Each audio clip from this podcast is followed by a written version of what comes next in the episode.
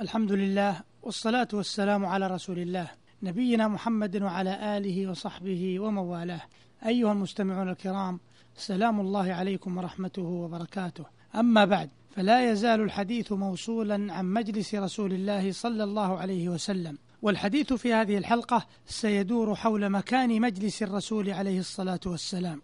أيها المستمعون الكرام إن من مارس الحديث والسيرة لا يشك في أن مجلس رسول الله صلى الله عليه وسلم الذي يلتف حوله فيه أصحابه وتجري فيه معظم أعماله في شؤون المسلمين إنما كان بمسجده وأن ما عداه من الأمكنة التي ورد في الآثار حلوله فيها إنما هي مقاعد كان يحل فيها قبل البعثة وبعدها قبل الهجرة وبعدها قبل أن ينتظم أمر المسلمين أو بعد ذلك فيما بعد الهجرة لعوارض تعرض من زيارة أو ضيافة أو عيادة أو قضاء مصالح أو نحو ذلك. فقد جلس قبل البعثة وهو بمكة في دار ابن جدعان وفي المسجد الحرام وآوى إلى غار حراء يتحنث بإلهام من الله تعالى استئناسا بالوحي. وجلس بعد البعثة في دار الأرقم بن أبي الأرقم وفي شعب أبي طالب مدة القطيعة وسكن دار أبي أيوب الأنصاري عند مقدمه المدينة. وجلس بمسجد قباء قبل بناء المسجد النبوي ولم يلبث أن بنى مسجده.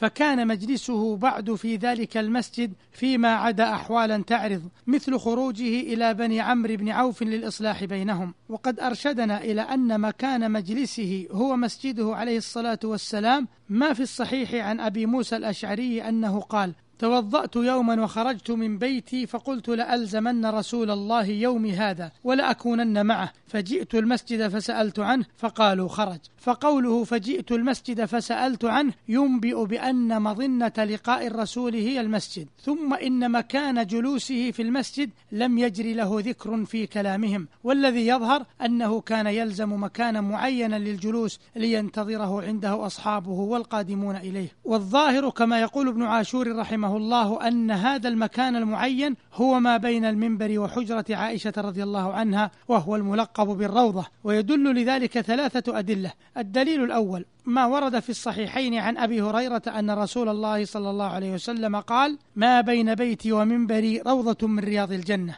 وللعلماء في معنى ذلك تأويلات أظهرها والذي مال إليه جمهورهم أنه كلام جرى على طريقة المجاز المرسل، فإن ذلك المكان لما كان موضع الإرشاد والعلم كان الجلوس فيه سببا للتنعم برياض الجنة، فأطلق على ذلك المكان أنه روضة من رياض الجنة بإطلاق اسم المسبب على السبب أو جرى على طريق الاستعارة بأن شبه ما يصدر في ذلك المكان من الإرشاد والعلم والموعظة والحكمة المنعشة للأرواح بما في رياض الجنة من الثمار والأزهار والأنهار ذات الإنعاش الخالد فأطلق اسم المشبه به على المشبه. وفي هذا إنباء بأن موضع الروضة مجلس رسول الله صلى الله عليه وسلم الذي كان فيه معظم إرشاده وتعليمه الناس. الدليل الثاني أن نجد أحاديث كثيرة روتها عائشة رضي الله عنها تتضمن ما دار بين رسول الله صلى الله عليه وسلم وبين سائليه ولم نجد مثل ذلك لبقية أمهات المؤمنين. فعلمنا أن ذلك انفردت به عائشة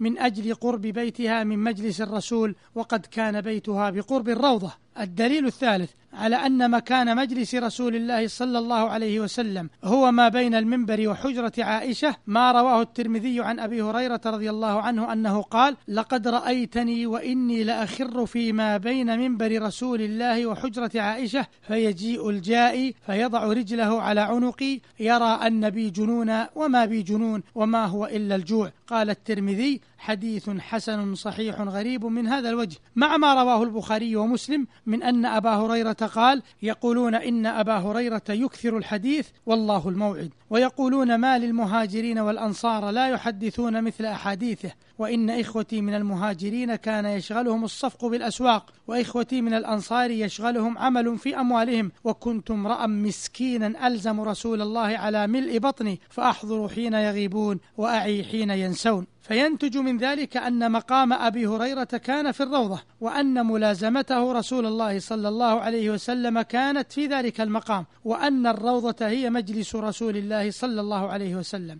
قال ابن عاشور رحمه الله هذا وقد رأيت في كلام شهاب الدين الخفاجي في شرحه على شفاء عياض كلمة تقتضي الجزم بأن مجلس رسول الله هو الروضة. لم يزل من شأن من حج المرور بالمدينة والقصد إلى التبرك برؤية مسجد رسول الله وروضته ومنبره وقبره ومجلسه. قال ومجلسه أي موضع جلوسه في الروضة المأثور. انتهى. يقول ابن عاشور ولم أقف على مستنده الصريح فيما جزم به. قال الشيخ ملا علي قاري في شرح الشفا عند قول عياض ومجلسه. قال أي محل جلوسه في المسجد ومكان صلاته عند الأسطوانات وغيرها. انتهى كلامه رحمه الله. ومما ينبغي التنبيه عليه معاشر المستمعين الكرام أن التبرك بالأماكن عموما إنما يكون بما ورد فيه النص والمساجد إنما يتبرك فيها بأداء العبادات المشروعة لا بمجرد رؤيتها أو التمسح بحيطانها وما جرى مجرى ذلك. أيها المستمعون الكرام وهكذا يتبين لنا من خلال هذه الحلقة مكان مجلس